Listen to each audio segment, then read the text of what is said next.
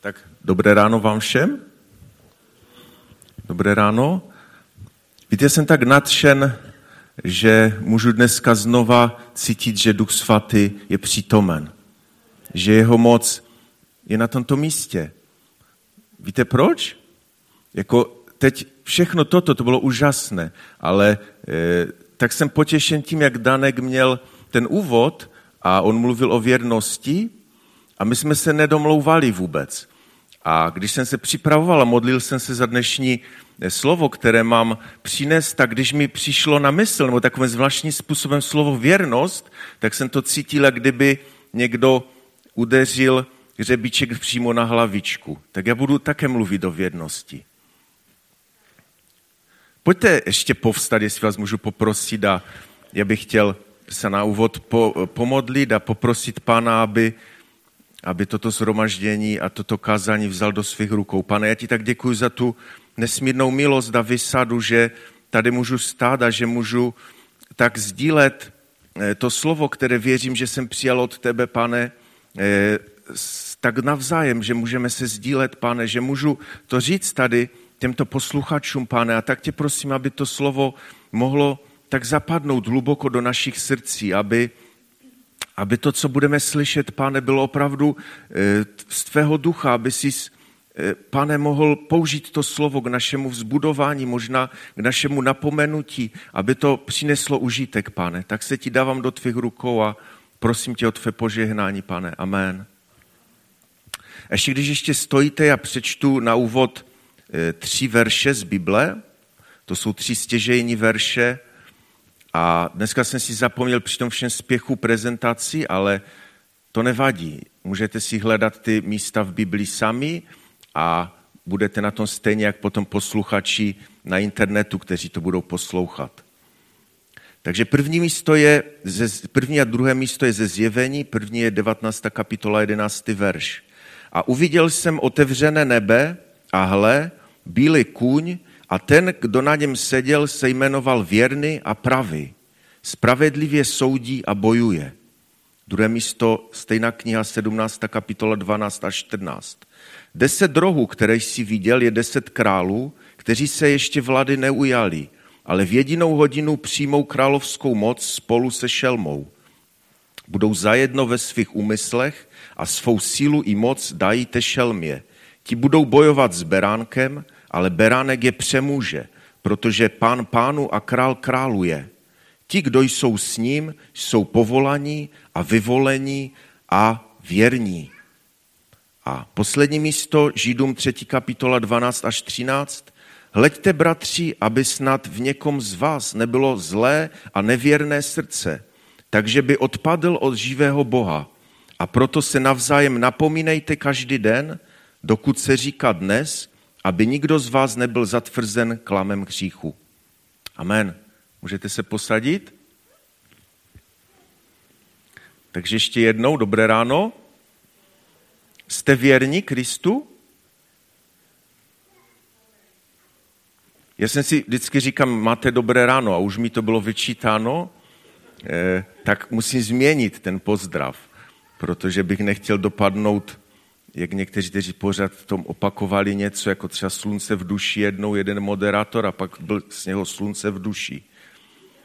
A, a abych, abyste si zapamatovali naopak eh, to dnešní kázání, tak jsem eh, si připravil, vy to teda nevidíte, ale já vám to popíšu, ten obrázek, protože já jsem, že když jak jsem chodil na školu, tak jsem byl takový zapálený hifista. Víte, co to je hifi? Prostě takové eh, něco, co dokáže věrně reproduktorovat hudbu. Jo, nějaké tam jsem měl na obrázku připraveno takové perfektní nějaké zařízení s výbornými reproduktory za mnoho peněz. A tak si to tak nějak představte, to HIFI, to high fidelity, nebo jak se to správně čte, vysoká věrnost. Je to sice úplně od věcí, ale když potom nakonec v tom kázání se k tomu dostanu, tak uvidíte a pochopíte, proč, proč o tom mluvím. Já už jsem říkal, mi zaplesalo opravdu srdce, když jsem, eh, tak, tak mi jsem se dostal to téma o věrnosti a tak jsem si najednou uvědomil, vlastně když jsem si četl ty různá místa v Biblii a tak jsem hledal vlastně, o čem bych měl dneska mluvit, tak jsem si najednou uvědomil, že celá Bible je vlastně kniha o věrnosti. To je, celá Bible mi opravdu přišla jako, jako kniha o věrnosti. A abych ještě na začátek trošku zůstal na zemi, tak jsem eh, si otevřel encyklopedii na internetu a podíval jsem se, co, eh, co mluví o, eh, nebo co, co encyklopedie říká na slovo věrnost. Tam bylo napsáno, že původ toho slova je od věřit, víra, je to příbuzné k latinskému verus, neboli opravdový pravý, pravdivý a možná i rizí. A encyklopedie říká, že věrnost znamená dlouhodobou pevnost a spolehlivost nějakého vztahu, pevné zachovávání slibu či podstaty, eh, slibu či přísahy, případně loajalitu. Platí jako ctnost. Opakem věrnosti je nevěra, věrolomnost, případně zrada. Taky jsem se díval a, a zkoumal, co na to téma říkají filozofové moderní a našel jsem si takové dva, takové dva, eh, dva filozofy, sociology, kteří se zabývali věrností a zabývají. Jeden nejznámější je sociolog německý Georg Simmel, který, který se narodil v roce 1858, on už nežije, a on se řadí mezi otce zakladatele moderní sociologie a vlastně hodně, hodně z toho jeho díla se zabývá právě věrností. To je světský, světský filozof, světský sociolog. A on říká takovou zajímavou větu, že věrnost je vytrvalost duše, která ji udržuje na jednou nastoupené cestě, a to i když pominul původní podnět, který ji na tuto cestu zavedl. To říká světský sociolog. On říká, že to je psychologický fenomén, že je to jev, bez něhož se neobejde žádná společnost ani žádné společenství. A, a mluví mnoho a mnoho věcí o tom. A je to zajímavé se na to podívat. Já to ještě jednou přečtu. Je to vytrvalost duše, která ji udržuje na jednou nastoupené cestě, a to i když pominul původní podnět, který na tuto cestu zavedl. On tam rozebírá i, i zajímá se o věrnost manželství a, a je to zajímavé vidět jakoby světského eh, sociologa, jak prostě přemýšlí nad věrností a říká, že ta věrnost často vzniká automaticky, nicméně je časem podrobována zkouškám. A, a, a nebo jsem našel druhého filozofa amerického, japonského v původu, Yosh, Yoshihiro Francis Fukuyama, který říká, Důvěra dovoluje vztahy zakládat, kdežto věrnost je udržuje. Tím chci říct, že proč to vůbec mluvím, že my jsme tady na, na církevní půdě a tady většinou rozebíráme Bibli, ale chci prostě říct, že věrnost je téma, která je, které je nesmírně důležité. A, a vidíme, že i světští psychologové a sociologové a, a já nevím, co jací logové se tím zabývají, a říkají pravdu. Důvěra dovoluje vztahy zakládat, kdežto věrnost je udržuje. Jako to věděli diktatoři a nebudu ty hesla, hesla tady vám říkat, když je tady mám napsané. Ale pojďme do Bible. Jistě víte, že věrnost je e, jako takové jedno z ovocí, které je ovocem Ducha Božího, e, o tom hovoří Galackým, 5. kapitola 22. verš. Je to prostě jeden z ovoce Ducha Božího.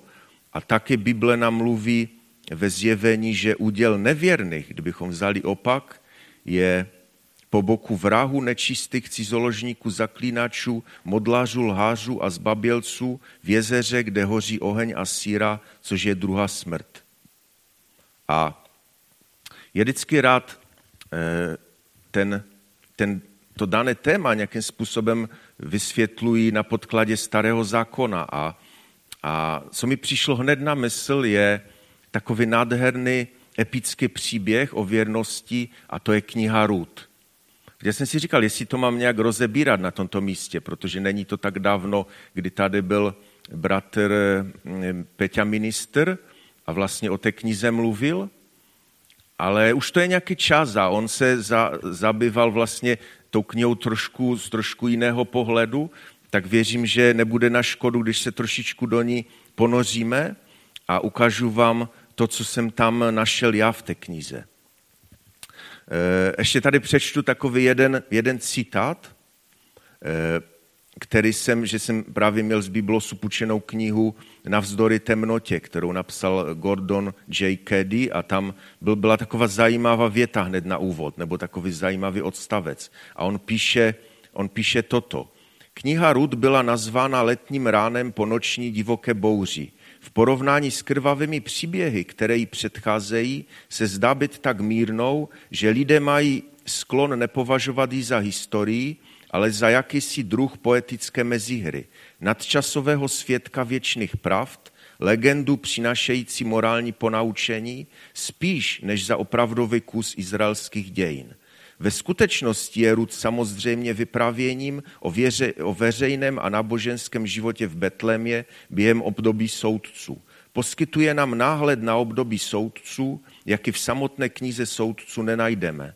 Připomíná nám, že i v těch nejtemnějších dobách hospodinovo dílo pokračuje díky věrnosti zbožného pozůstatku lidu. Víte, mi se tady líbilo, i když, jak tady mluvili bratři svědectví z toho Iráku, jak říkali, že, že, Bůh, že mají obrovské svědectví, jak mluvil o té, o té střele vypálené z Kalašníkova, která se odrazila od člověka zabila toho, který ji vypálil.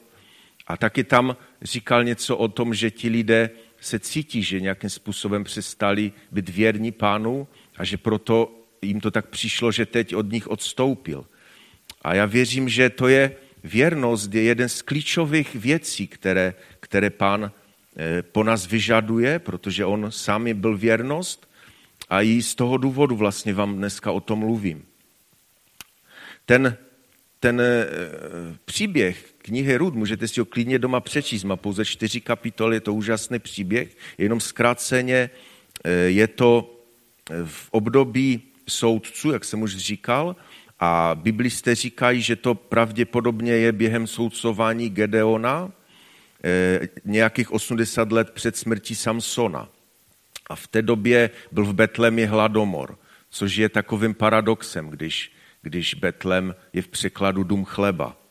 A v té době byl hladomor, protože lidé odpadli od pána a v té době to odpadnutí tam byl v tom Betlemě muž Elimelek, jeho žena Noemi a dva synové Machlon a Kilion a oni eh, prostě z toho hladu a z toho, že už neviděli východisko, tak uprchli, stali se emigranty do Moabu, eh, do vlastně pohanské země sousední, která v té době prožívala hojnost. A tady je zase zajímavé, že ten Elimelek jsem se dočetl, že má jakoby to význam toho slova Elimelek znamená Bůh, můj Bůh je můj král. A tam můžeme vidět, jaký to je paradox, jaký to je kontrast, když ten člověk eh, měl jméno můj Bůh je můj král, jak prostě nevěřil tomu, že Bůh se může o ně postarat v té původní izraelské zemi a šel do toho Moabu. A, a tam se v tom Moabu prostě staly další věci, tam si našli ty dva synové Machlon a Kilion si našli své ženy. Eh, samozřejmě nebudu se pozastavovat tím, že to nebylo tehdy doporučováno, aby si brali cizinky, ale oni to tak udělali.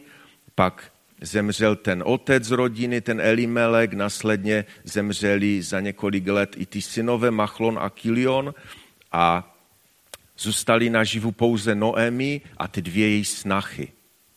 A dostáváme se k tomu vlastně k tomu, k tomu meritu věcí, o kterém vlastně vám chci říct, proč, proč se mi to zdá ta kniha tak úžasná.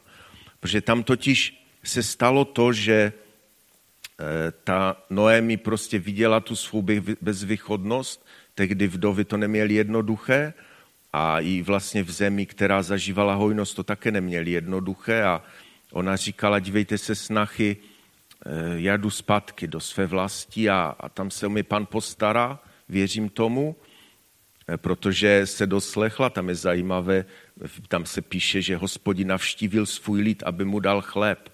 Tam je, vidíme, že nějakým způsobem zafungoval už ten, to vládcovství toho Gedeona.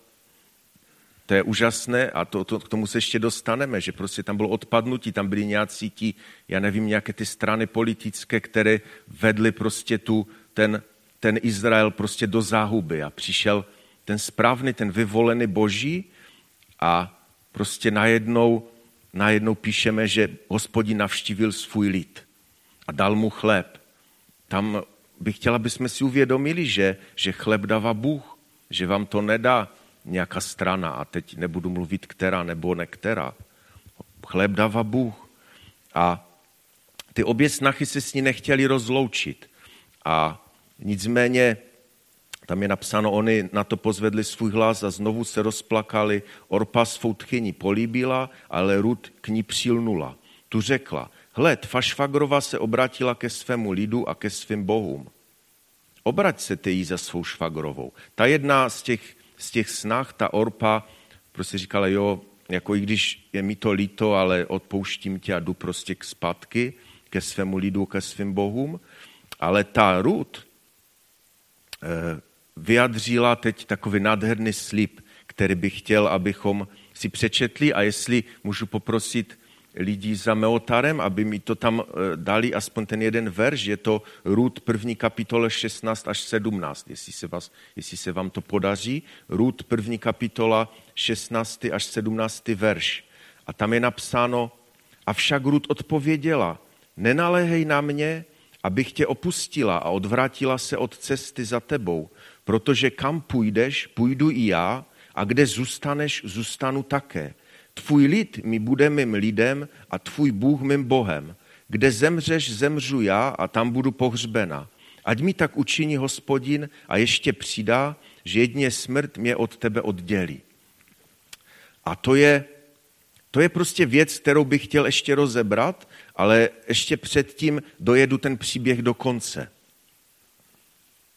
Víte, to je úžasné, že žena, která nebyla židovkou, se přidala skrze víru božímu lidu a, a jsou zde vidět e, znaky opravdového obrácení, ale už jsem říkal, o tom, o tom vám ještě řeknu dál, e, tak jak je psáno v Římanům, myslím, že to je v Římanům, že Jo, v Římanům, že neboť pravý žid není ten, kdo jim je navenek a prava obřízka není ta, která je zjevna na těle, ale pravý žid je ten, kdo je židem uvnitř. A prava obřízka je obřízka srdce duchem, nikoli literou.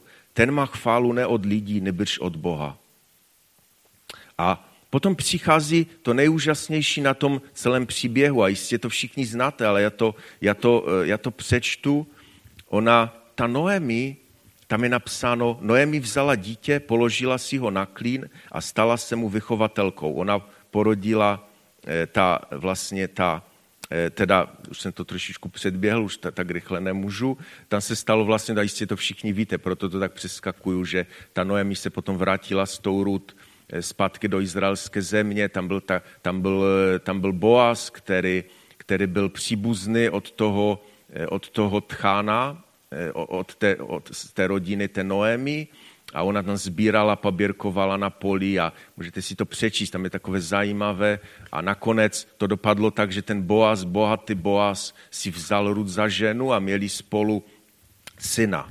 A, a teď to slovo, které jsem četl. Noemi vzala dítě, položila si ho na klín a stala se mu vychovatelkou. A sousedky mu dali jméno ze slovy. Noemi se narodil syn a nazvali ho jménem Obed. On je otec Jíšaje, otce Davidova. Rozumíte tomu poselství, že, že ta Rud, ta cizinka, ta, která se vlastně ani správně by neměla být vůbec Izraelitkou, protože Bůh to nedoporučoval, aby, nebo přímo zakázal, aby se nějakým způsobem spojovali ti izraelští lidé s, s cizinkami, a ona se stala pro tu svou věrnost, o které ještě budeme mluvit, součástí nejenom izraelského lidu, ale dokonce Davidova rodokmenu, na jehož konci je Ježíš. A e, to je vlastně, proč, proč ten příběh vyprávím, protože to, proč eh, si Ježíš zvolil jakoby do toho svého rodokmenu, si myslím a věřím tomu, že to je právě ta věrnost, kterou ona měla v srdci. A ta věrnost způsobila, že sám Ježíš chtěl, aby, aby byla v jeho rodokmenu, protože to bylo i předpověděno proroky. V Micháš 5.1 je napsáno, a ty Betleme Efratsky, ačkoliv si nejmenší mezi judskými rody, z tebe mi vzejde ten, jenž bude vládcem v Izraeli. A tam se mluví vlastně o tomto, o tomto příběhu. A teď pojďme k tomu, k tomu, k tomu příběhu, k tomu slibu Rud 1, 16 až 17. A já bych ho tak trošičku chtěl, trošičku chtěl rozebrat. Už jsem to četl a teď to rozeberu trochu víc, kdy ta Rud se nějakým způsobem zaval, zavazala tomu, že, že chce být, chce být tím součástí toho lidu izraelského. A já tam vidím Tady to máte napsané.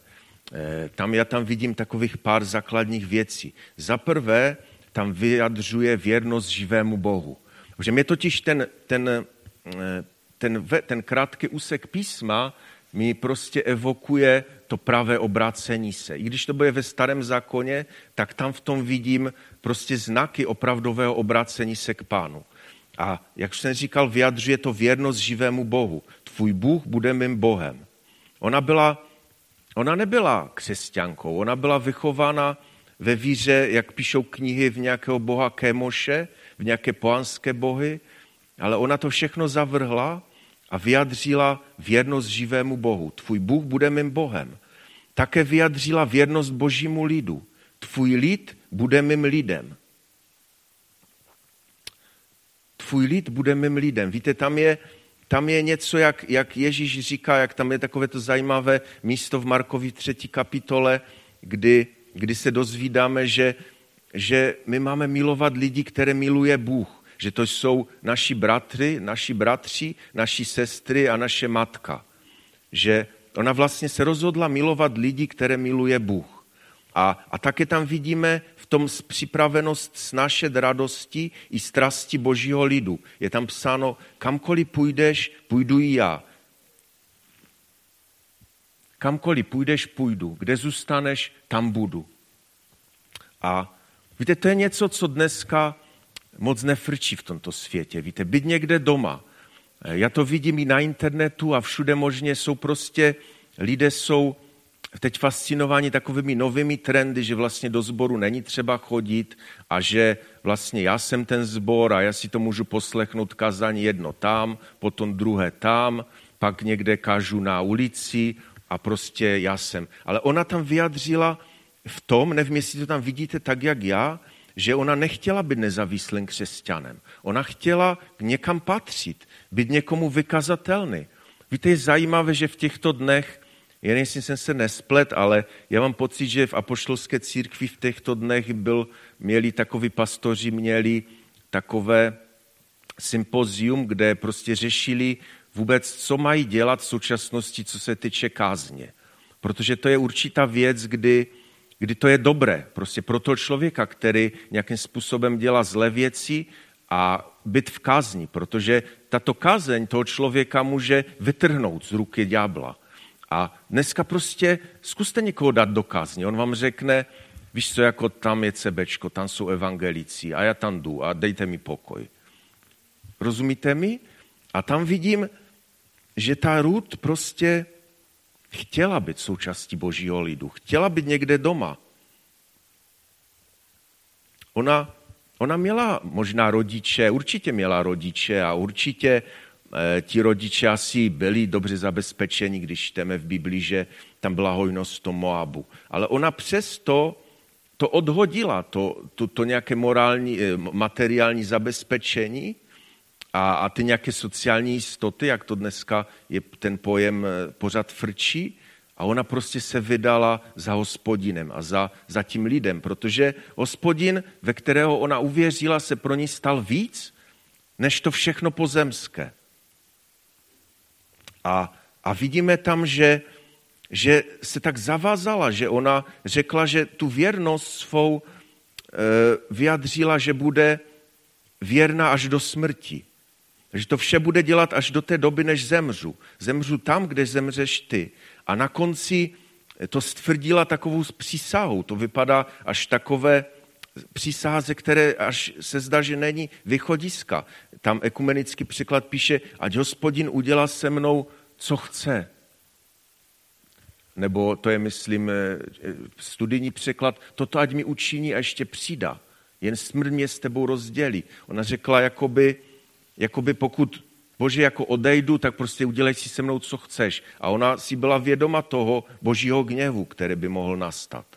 A není to úžasné? Jak, není to úžasný příběh? Rozumíte tomu, jakým způsobem ta, ta Rud byla věrná, jak ona vyjadřila věrnost nejenom Bohu, ale vyjadřila věrnost i tomu, tomu lidu izraelskému a těm dalším věcem, o kterých jsem mluvil.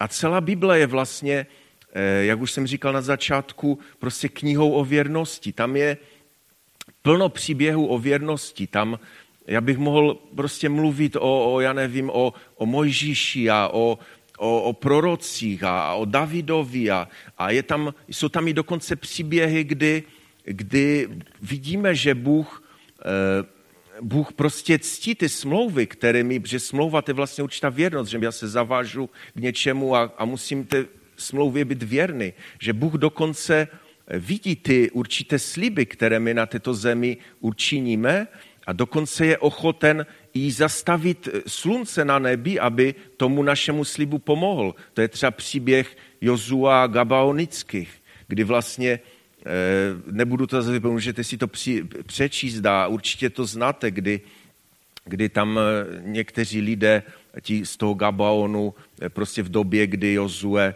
obsazoval tu zaslíbenou zem, tak oni takovou lstí prostě si vymanili slib, že je, že je ten Jozue bude chránit.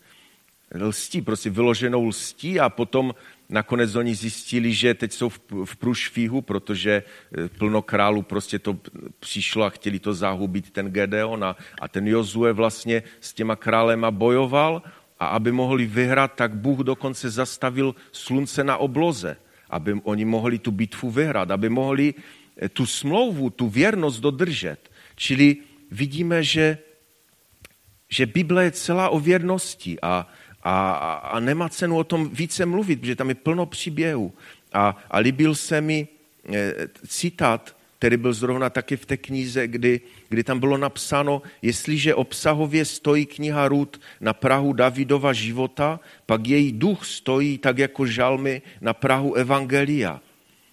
A, a díky Dankovi on už tady četl prostě e, místo, které mluví o hospodinově věrnosti. A já tady mám několik míst, několik veršů vybraných, které prostě mluví o tom, jak Bůh je věrný neboť hospodinové slovo je přímé, v každém svém díle je věrný, ale má modlitba spěje hospodine k tobě, je čas přízně, bože nejvyš milosrdný, odpověz mi, věrný dárce spásy.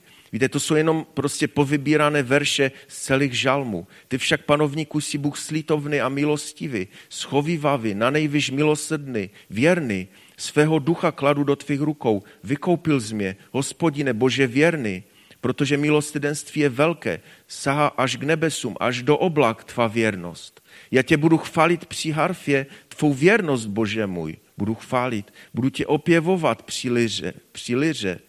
Na věky budu zpívat o hospodinově milosedenství, z pokolení do pokolení budu svými ústy oznamovat svou věrnost.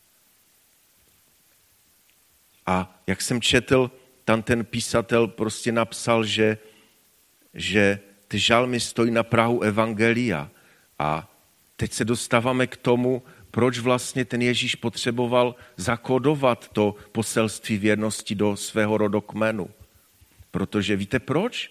Protože on sám je stělesněním věrnosti.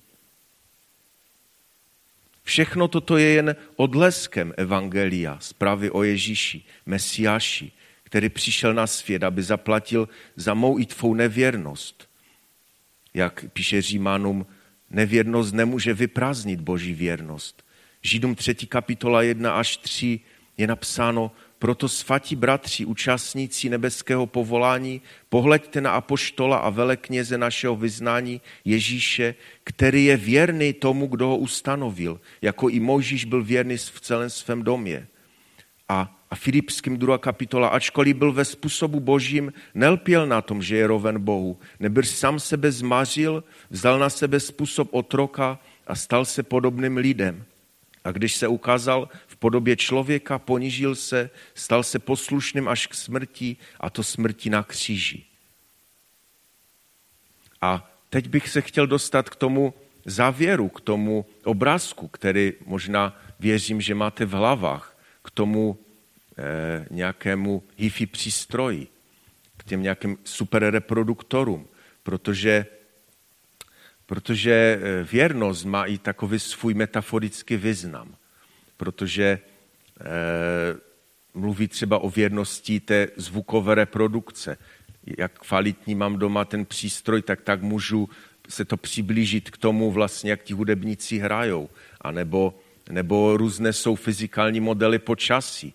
Jistě to máte na svých mobilech, kdy, kdy jako to hodnotící kritérium, jestli se na kolik procent se to počasí podaří předpovědět, tak, tak eh, vlastně to hodnotící kritérium je věrnost toho, ten, jak ten fyzikální model toho počasí je věrný tomu, té skutečnosti, která nás obklopuje. A čím věrnější ten model je, třeba u nás je počítač, který se jmenuje Aladdin, který to simuluje a on je celkem věrný, protože ty dva dny dopředu se mu to celkem dobře daří předpovědět. A, ale proč vlastně to celé mluvím? Protože eh, často to tady na tom místě říkáme protože je napsáno na, v kraji Bible, že i řekl Bůh, učiňme člověka k našemu obrazu jako naši podobu. Rozumíte? Bůh nás chtěl, nebo ne nás chtěl, ale on nás stvořil, abychom byli k jeho obrazu, aby, abychom přijali tu jeho podobu. A, a jak jistě jste mohli vidět to, co jsem se vám tady snažil nějak naznačit, tak základ té jeho té jeho povahy, toho obrazu je věrnost. A on chce, abychom byli také věrní, tak jak on byl věrný. A, a když se tak ptám, nebo si to tak představuju, když se tak zeptám člověka, si věrný Kristu, ano, jsem. Ale co bych chtěl na závěr prostě říct, že Ježíš totiž chce, abychom byli věrní i v těch nejmenších věcech. On se zajímá, že jako to je krásné, že jsme věrní Kristu a všichni jsme věrní a, a co se zeptáte, všichni jsou věrní Kristu. Ale já si myslím, že Bůh se bude zajímat, jestli jsme byli věrní i v tom malém. Věří, víte o tom, že to v Biblii tak je napsáno? Tam eh, je příběh třeba o hřívnách, ten určitě znáte. A tam je, tam je nebudu to zase, zase rozebírat, že každý ten příběh znáte, tu, to podobenství, a jenom přečtu tu odpověď, co mu ten pán odpověděl tomu, který se dobře zachoval k těm svým hřívnám. On jim odpověděl, ten pán správně služebníku dobrý a věrný, nad málem si byl věrný, ustanovím tě nad mnohým. Vejdi a raduj se u svého pána. A naopak tomu služebníkovi, který měl taky hřivnu, ale on ji zakopal, tak tam je napsáno toto. Služebníku špatný a líny. A kousek dál a toho neužitečného služebníka uvrhněte ven do temnot, tam bude pláč a skřípění zubu. A tak jsem se zamýšlel vlastně na tou hřívnou, protože o tom se často mluví a je plno kázání, které jste slyšeli a mluví se o tom, jak člověk byl obdarovaný a že ten, já nevím, umí dobře hrát, tak rozhojňuje tu svou řívnu, že hraje v chválící skupině a ten umí to a ten umí to a to jsou ty hřívny. Ale mi tak najednou přišlo, když máš ženu, není to náhodou hřívna? Když máš třeba syna, není to náhodou tvoje hřívna? Když máš dceru, když máš čas třeba, není to hřívna? Já to tak nechám bez odpovědi. Zkuste na tom dneska přemýšlet během oběda. Jestli takové ty obyčejné věci, které většina z nás má, a, a, nebo všichni máme, třeba čas máme všichni, není to náhodou hřívna, protože je tam ještě jedno podobenství o špatném správci v Lukáši 16. kapitole a tam je napsáno toto. Poslouchejte.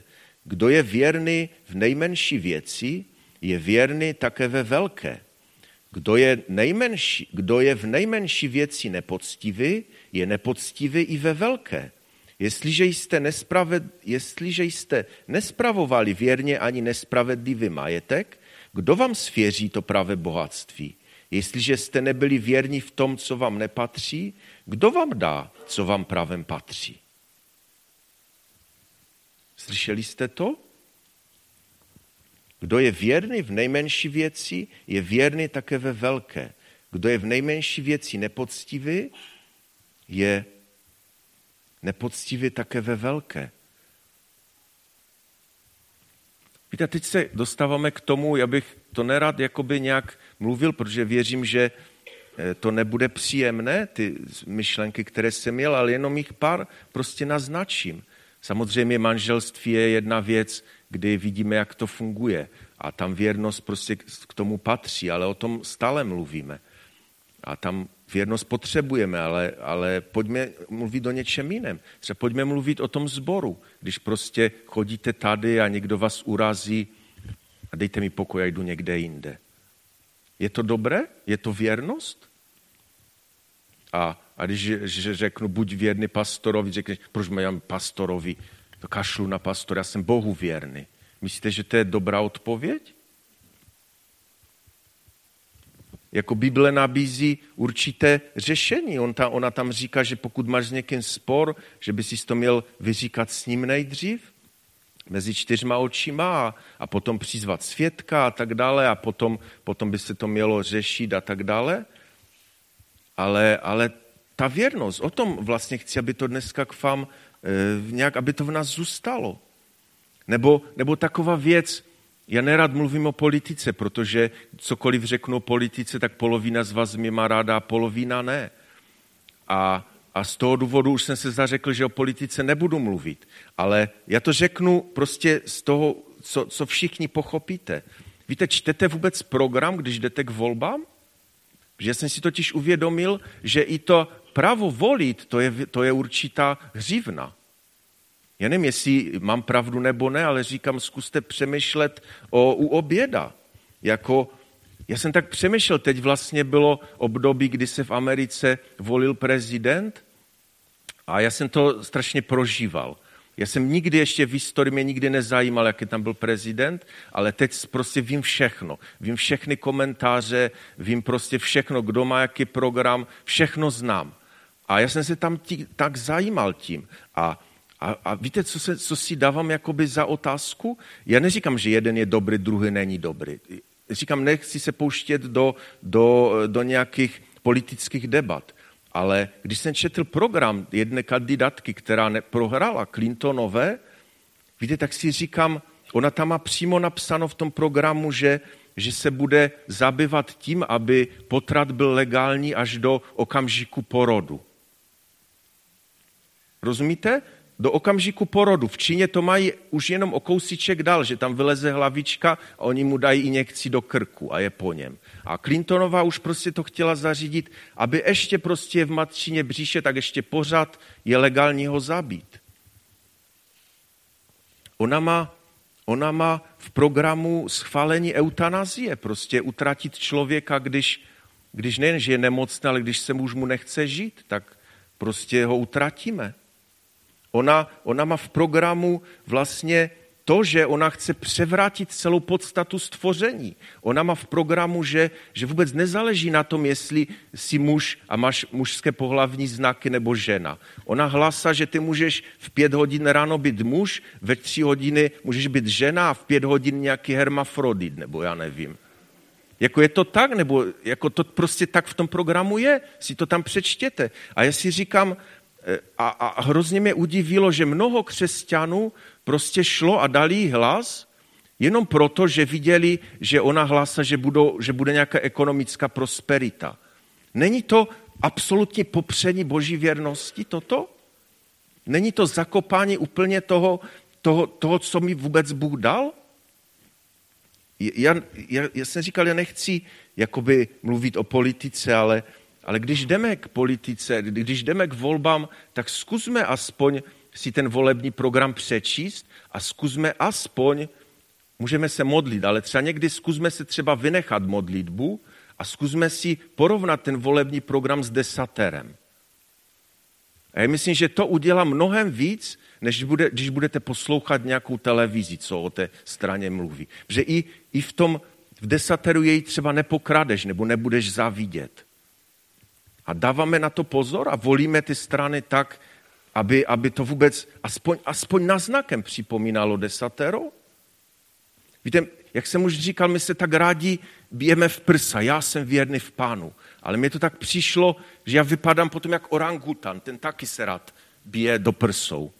Jo, že, že já, já jsem věrný v pánu. A přitom hodím hlas prostě straně, která je úplně mimo, mimo boží vůli. Mimo prostě, mimo všechno. A, a tak mi to přišlo, že jsme nevěrní jak ti Izraelité. Tam je takové místo, e, místo napsané v žalmu, myslím, že to v žalmu je napsáno, přes toto vše stále hřešili a nevěřili jeho divům. Skončil jejich dny v marnosti a jejich léta v děsu. Když je hubil, hledali ho. Ano, navraceli se a usilovně hledali Boha. Rozpomínali se, že Bůh je jejich skala, že Bůh nejvyšší je jejich vykupitel, ale klamali ho svými ústy, svým jazykem mu lhali, jejich srdce nebylo pevně při něm, nebyli věrní jeho smlouvě. Rozumíte? Oni říkali, oni se rozpomínali, Bůh je má skala, Bůh je nejvyšší můj vykupitel. Ale co dělali? Klamali ho svými ústy, svým jazykem mu lhali a jejich srdce nebylo pevné při něm. Já to chci prostě, aby dneska v nás zůstalo. Aby pokud my jsme věrní, aby jsme byli věrní v tom malém. Protože když budeme věrní v malém, tak, tak hospodin bude konat velké divy. To je napsané v Žalmu 4.4. Vězte, hospodin pro svého věrného koná divy. Hospodin slyší, když k němu volám. Budou se dít věci, kdy, kdy takové, jak říkal tady eh, Tomáš Roman nebo, nebo Beňo, nevím kdo z nich, že prostě vystřelili na toho člověka, ta kulka se odrazila. To se bude dít, když budeme věrní. A, a Abakuk nám radí, abychom žili pro svou věrnost. On říká Abakuk 2.4, spravedlivý bude žít pro svou věrnost. Rozumíte? A, a zakončím zjevením, jak jsem začal zjevením.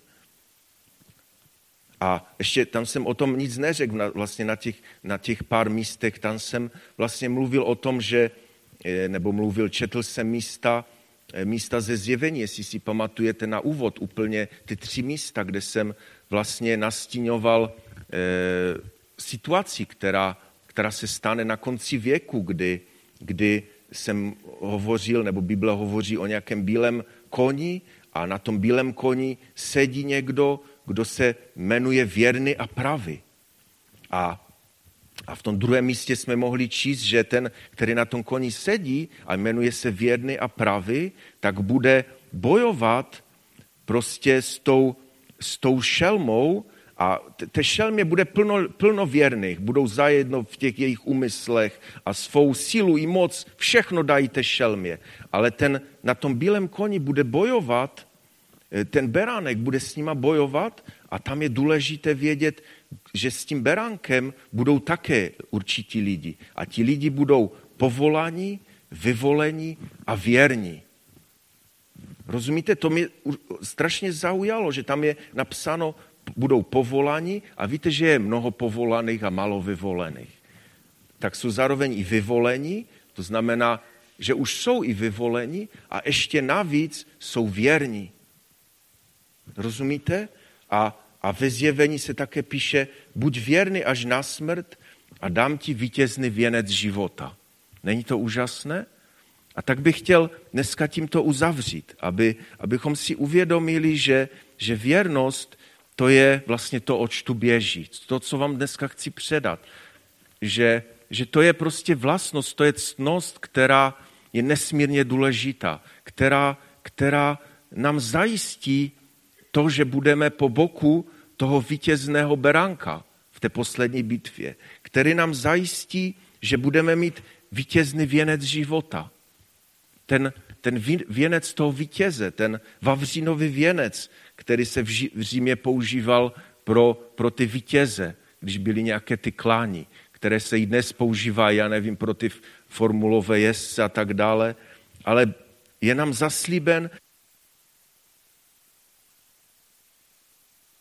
že už i vypínám eh, vypínače za, za během kázání, eh, že vlastně pan chce, abychom byli věrní až na smrt a pak nám dá věnec života. Tak já bych chtěl, pokud teda chcete, já se teď chci modlit, aby, aby moje srdce nebylo nevěrné, ale věrné a chci se modlit za ty věci, které jsem teď kázal, aby byly v mém životě, tak jestli chcete, tak povstaňte a, a v té modlitbě se při, přikloňte ke mně, nebo se nějakým způsobem e, můžete modlit se mnou.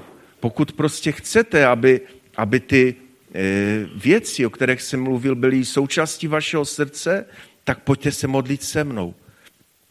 Pane, tak tě prosím, dej mi milost a dej nám vše milost, aby eh, ty naše srdce nebyly nevěrné, ale věrné, pane. Tak si uvědomujeme, že ty chceš, abychom byli na tomto světě tvým obrazem, abychom byli e, tou solí, abychom byli tím světlem, pane. Toužíme stát věrně na místech, kde si nás postavil. Toužíme stát věrně ve svých rodinách, toužíme stát ve, věrně ve svých manželstvích, při vychově našich dětí, pane. Toužíme stát věrně v zaměstnání, když, když, když budeme na různých situacích, pane. Toužíme být věrní i, i v tom, když budeme, když budeme k volbám, pane, někdy. Když budeme vybírat politickou stranu, která, která má vládnout na této zemi, v naší zemi, pane. Toužíme být věrní tvým nařízením, ale zároveň vyznáváme, že bez tvé pomoci toho nejsme schopni, pane. Prosím, uschopni nás, dej nám sílu, dej nám odvahu, dej nám schopnost, pane. Dej nám moudrost stát věrně, tak jak jsi ty věrný k nám, pane Ježíši, ve tvém svatém jménu. Amen.